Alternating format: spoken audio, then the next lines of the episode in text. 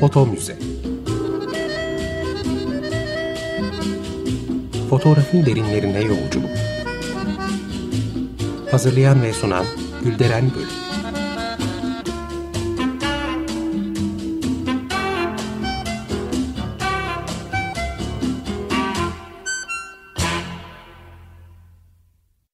Merhaba değerli dinleyiciler, fotoğraf tarihçiniz ben Gülderen Bölük. Yeni bir foto müzede yine birlikteyiz. Her zamanki gibi öncelikle program destekçimize teşekkür ederek başlamak istiyorum. E, bu hafta çok sevgili arkadaşlarım Hülya Aydoğan ve eşi Sinan Aydoğan programa katkı sunmuşlar. E, 2003 yılında açtığım Atölye İğne Deliği'nin bana kazandırdığı çok değerli bir dost Hülya benim için.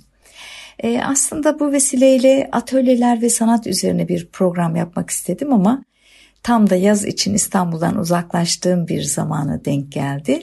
E, bu bakımdan da ne yazık ki yetiştiremedim konuyu. E, bugün sevgili Hülya'ya ve Sinan'a başka bir renkli konu düşmüş oldu. Fotoğraf ve renk. Buradan her ikisine de kucak dolusu sevgiler gönderiyorum.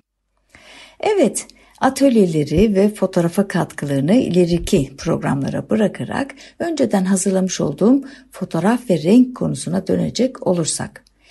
Bildiğiniz gibi fotoğrafın ortaya çıkışına kadar bugün fotoğrafla yapılan pek çok şey resim sanatıyla yapılıyordu. Belgelemek işinden tutun da portre sanatına kadar. Ama her şeyi şaşmaz bir doğrulukta kaydeden bu mekanik yöntem neredeyse bıçak keskinliğinde resmin yaptığı işleri devraldı. Tabi resimde kendine belgelemenin dışında başka bir yol çizmek zorunda kaldı. Resim ve fotoğraf ilişkisini önceki programlardan birinde anlatmıştım. E, resmin bir başka şekilde var olma hatta özgürleşme çabalarına bugün tekrar girmeyeceğim. İlgi duyanlar açık radyo hesaplarından, Spotify ve diğer e, podcast kanallarından dinleyebilirler. Her ne kadar ressamlar başka çözümler, başka yollar arasalar da öyle meydanı hemen fotoğrafçılara bırakmadılar tabii. İlk refleks olarak kendi işlerini korumaya, tırnaklarıyla kazıyıp geldikleri bu yerlere yine tırnaklarını geçirerek tutunmaya çalıştılar. Tabii bu arada fotoğrafa ve fotoğrafçılara da ver yansın etmeyi unutmadılar. Bu ruhsuz ve mekanik icadın hiçbir zaman bir sanat mertebesine ulaşamayacağını tekrarlayıp durdular. Ayrıca bu yeni icadın sadece siyah ve beyazdan ibaret olan renklerine ne demeliydi? O yaşamın cıvıl cıvıl renkleri neredeydi? Oysa her bir rengin dilini iyi bilen ressamlar tablolarında sanatçı duyarlılığıyla ve bilinçle kullanmaktaydı renkleri. Öyle ki bu renkler bazı ressamların elinde kullanıldıkları ton ve doygunluk oranına göre adeta kişiselleştirilebiliyordu. Hatta bazıları sanatçının imzası haline dahi geliyordu. Böylesine güçlü bir unsurdu renk. Bu açıdan bakıldığında fotoğrafçıların eli zayıf kalmaktaydı ama onlar da bu açığı kapatmak için ellerinden gelen her şeyi yapıyordu. İlk andan itibaren fotoğraflara renk vermenin yollarını aradılar. Çünkü o günkü kanıya göre fotoğraf alanında sanatçı mertebesine ulaşmak için ürettikleri fotoğrafında o oranda resme benzemesi gerekiyordu. Bu sebeplerin de teşvikiyle ilk andan itibaren fotoğrafçılar elle boyayarak fotoğrafları renklendirdiler. Tabii ki ekstra para karşılığında. Elbette ki bunu yapacak kişinin mahirliği de son derece önemliydi. Neyse ki ilk fotoğrafçıların çoğu ressamdı ve boyama konusunda başarılı işler ortaya çıkardılar. İlk fotoğrafik proses olan daguerreotipler bile boyanıyordu. Daha önce belirttiğim gibi başlangıçta fotoğraf kelimesi henüz kullanılmıyordu. İnce bir gümüş tabakasıyla kaplı bakır levhalar üzerine alınan ilk görüntülere Mucit Daguerre'in adından türetilen daguerreotip denilmekteydi. İşte bu daguerreotipler çekimden sonra hünerli eller tarafından renklendirildi. Bizde de durum aynı. İstanbul'da açılan ilk stüdyolarda e, bu yönde işler ortaya koyuyor. E, 1850 yılına kadar yerli stüdyolarımız açılmadı ama öncesinde neredeyse ilk andan itibaren yabancı fotoğrafçıların Osmanlı topraklarına yerleşerek stüdyo açtıklarını ve fotoğrafçılık faaliyetlerinde bulunduklarını biliyoruz. Mesela 1847 yılına ait Ceride-i Havadis gazetesinde çıkan bir haberde Monsieur Abreş adlı fotoğrafçının Galata'da Perşembe pazarında 6-7 yıldır daguerreotip çektiği ve bunları da renklendirdiği yazıyor. Bizim yerli stüdyolarımızdan da bu yönde iş ortaya koyanlar olduğunu gene biliyoruz. Dünya kütüphanelerinde ve müzelerde fotoğrafları bulunan ve Abdullah biraderler olarak tanınan kardeşler de başarılı işler ortaya koyuyor. Kardeşlerden büyük olanı Biçen Abdullah'ın ismini özellikle anmalı. Minyatür boyamakta usta bir kişi olan Vichen, resim bilgisi sayesinde Alman kimyager Robach'ın stüdyosunda daguerreotipleri renklendirmek üzere bir müddet çalışıyor. Bu bilgi kaynaklarda geçmekte. Bir başka önemli stüdyomuz olan Sebajuaye'de fotoğraflara renk veren öncülerden. Bu stüdyo ile ilgili 13 Şubat 1875 tarihli Le Orient Illustre'de çıkan bir yazı var ki onu da buradan okumak istiyorum.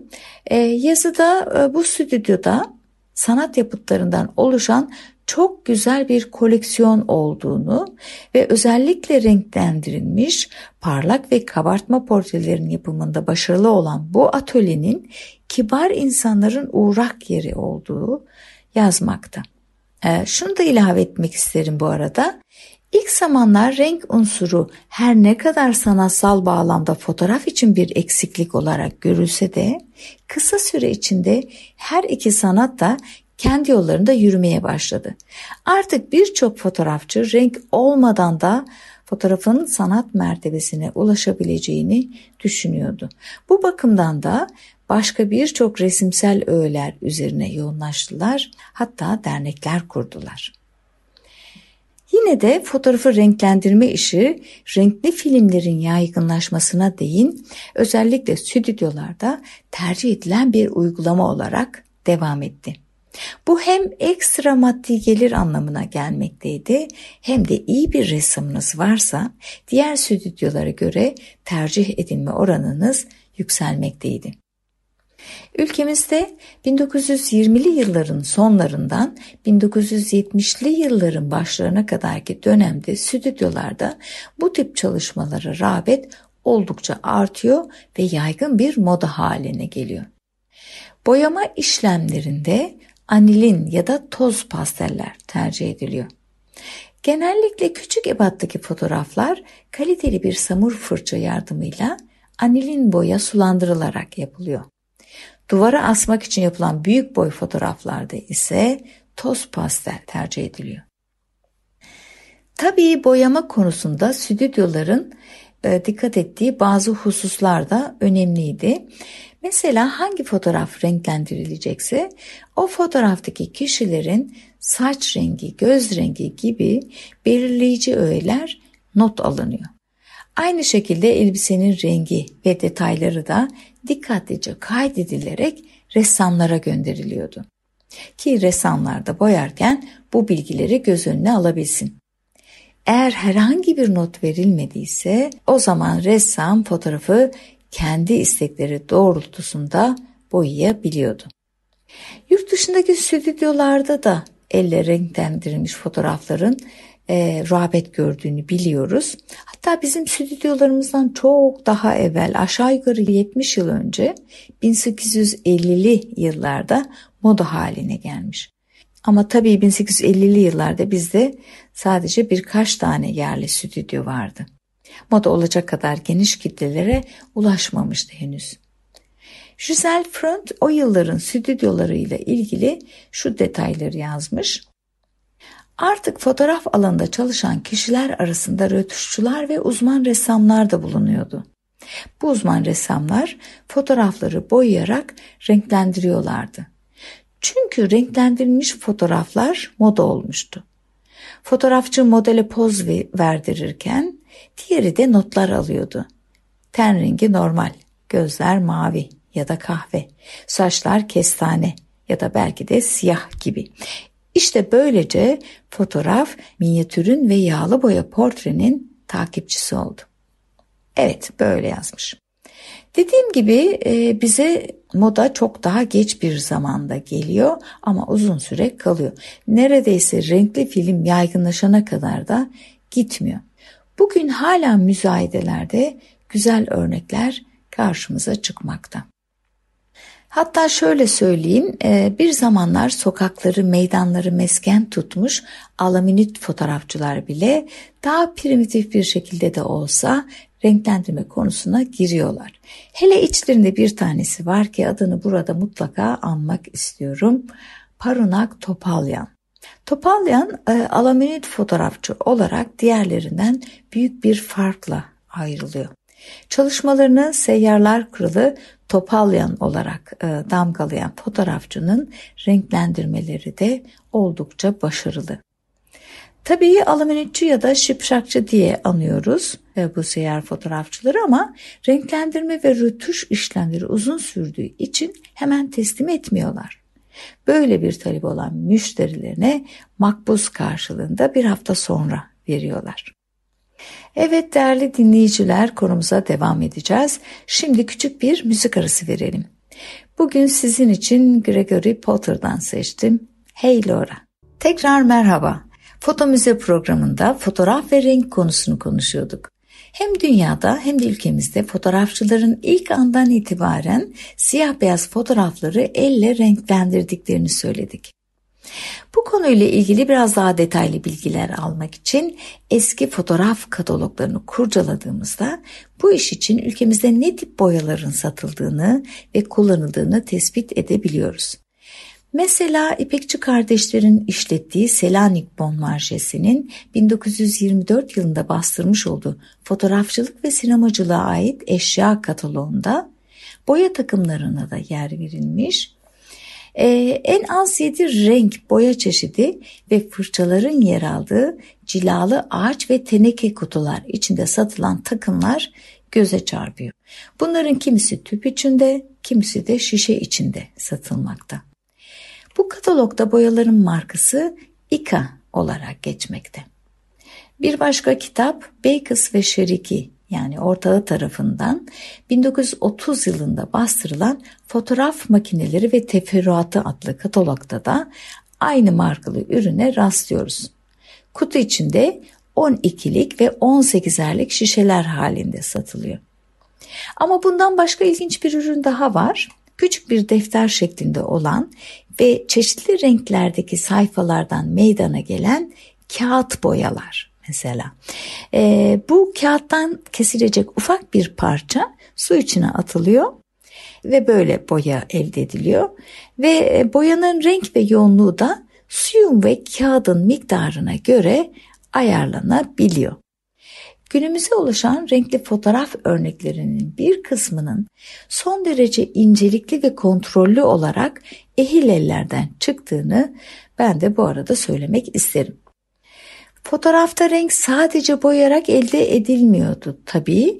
Bir yandan da birçok meraklı ve mucit rengi teknik yöntemlerle elde etmenin peşine düşmüştü. Ama ilk deneylerde oldukça karmaşık yollardan gidilse de elde edilen sonuçların çok tatminkar olmayan basit sonuçlar olduğunu söyleyelim. E, fakat yine de araştırmacıların her biri e, tarihteki yerini aldı. Mesela ilk renkli fotoğrafı çeken kişi olarak İskoç fizikçi James Clerk Maxwell'in ismi e, zikrediliyor. Ama Maxwell e, tek değildi aslında. Photographic Notes dergisinin fotoğraf editörü Thomas Sutton da onunla birlikte aynı deneyim parçası. İkilinin 1861 yılında çekmiş oldukları Ekose kurdele fotoğrafı bugün dünyadaki ilk renkli fotoğraf olarak kabul edilmekte. E, bu fotoğrafı ve diğer fotoğrafları sosyal medya hesaplarımızdan inceleyebilirsiniz. Çok teknik konulara dalmadan basitçe bu çalışmanın temel ilkesini söylersek. Işığın ana renklerine dayanıyor. Işıkta ana renkler resim sanatından farklı. Bunlar kırmızı, yeşil ve mavi. Nasıl bir deney yapıyor ikili? Ee, bir fotoğrafı ana renklerden oluşan filtrelerde ayrı ayrı çekiyor. Yani her çekimde objektifin önündeki renk filtresini değiştiriyor. Sonra da bunları üst üste koyup birleştirerek görüntü elde ediyorlar. Yöntem kusurlu da olsa önemli bir adım atmış oluyorlar. Sonra Louis Duco Duhon ise 1877 yılında Fransa'nın güneyinden bir manzara fotoğrafı çekiyor.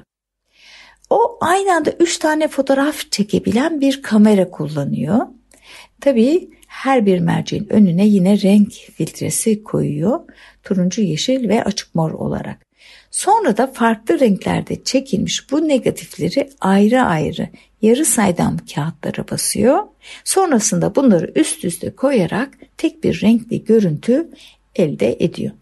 Evet dediğim gibi bunlar unik örnekler ve anlayacağınız gibi e, gündelik kullanıma uygun olmayan dolayısıyla da yaygınlaşamayan yöntemler.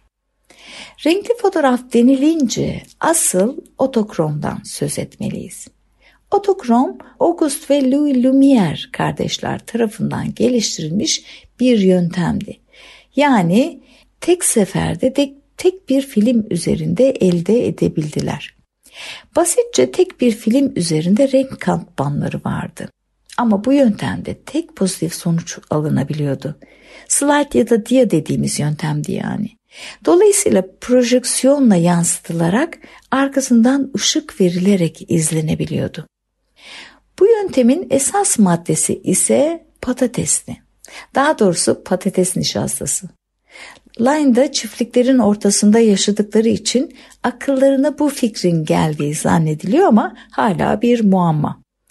Lumière kardeşler turuncu kırmızı, mor ve yeşil boyalı toz haline getirilmiş patates nişastası ile kaplı cam plakalar ürettiler ve bunları da ışığa duyarlı bir malzeme katmanıyla da kapladılar. Bu proses zordu, uzun pozlama gerektiriyordu ve özel görüntüleme koşullarına ihtiyaç duyuyordu.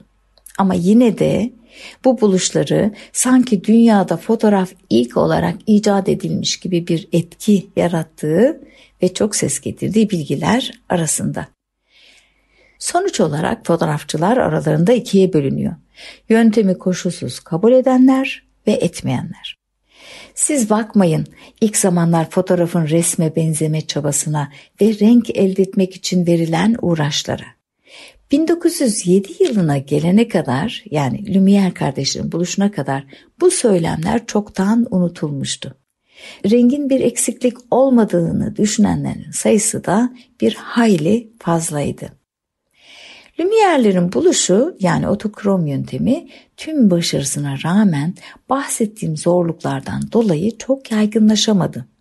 Ama bu yöntemde çekilmiş çok güzel portrelerin ve fotoğrafların olduğunu e, araya sıkıştırayım. Renkli fotoğrafta devrim yaratan kişi yine Kodak markasının yaratıcısı George Eastman oluyor. E, 1935 yılında yani fotoğrafın icadından neredeyse bir asır sonra Kodakromu üretiyor. Ve böylece Kodak bir kez daha fotoğraf amatörlerince dahi kullanılacak bir ürünü piyasaya sürmüş oluyor. Yıllar önce e, rol filmleri kullanıma sokarak bir devrim yaratmıştı. Bu kez de renkli filmin yaygınlaşmasına amatör profesyonel her kesimden insanın rahatça kullanımına açmış oluyor. Kodak'ı ve George Eastman'ı da bundan önceki programda anlatmıştım. Dileyenler e, podcastlerden dinleyebilir. Az önce bahsettiğim gibi renkli film kullanımı ile ilgili fotoğrafçılar ikiye ayrılıyor. Önceleri daha büyük çoğunlukta fotoğrafçı renk unsurunun kompozisyonu ve ışık kullanımını saptırdığını ileri sürüyor. Kimisi renkli fotoğrafların amatörler ya da turistler için uygun olduğunu, ciddi fotoğrafçıların uzak durması gerektiğini söylüyor. Renkli fotoğraflar ticari, popülist ve ciddiyetsiz olmakla suçlanıyor. Bu görüşlerin karşısında olan bir grup azınlıktan bazı isimler de renkli fotoğraflara gönülden inanarak iş üretiyorlar ki bunların bir kısmı şimdiden fotoğraf tarihindeki yerini almış durumda.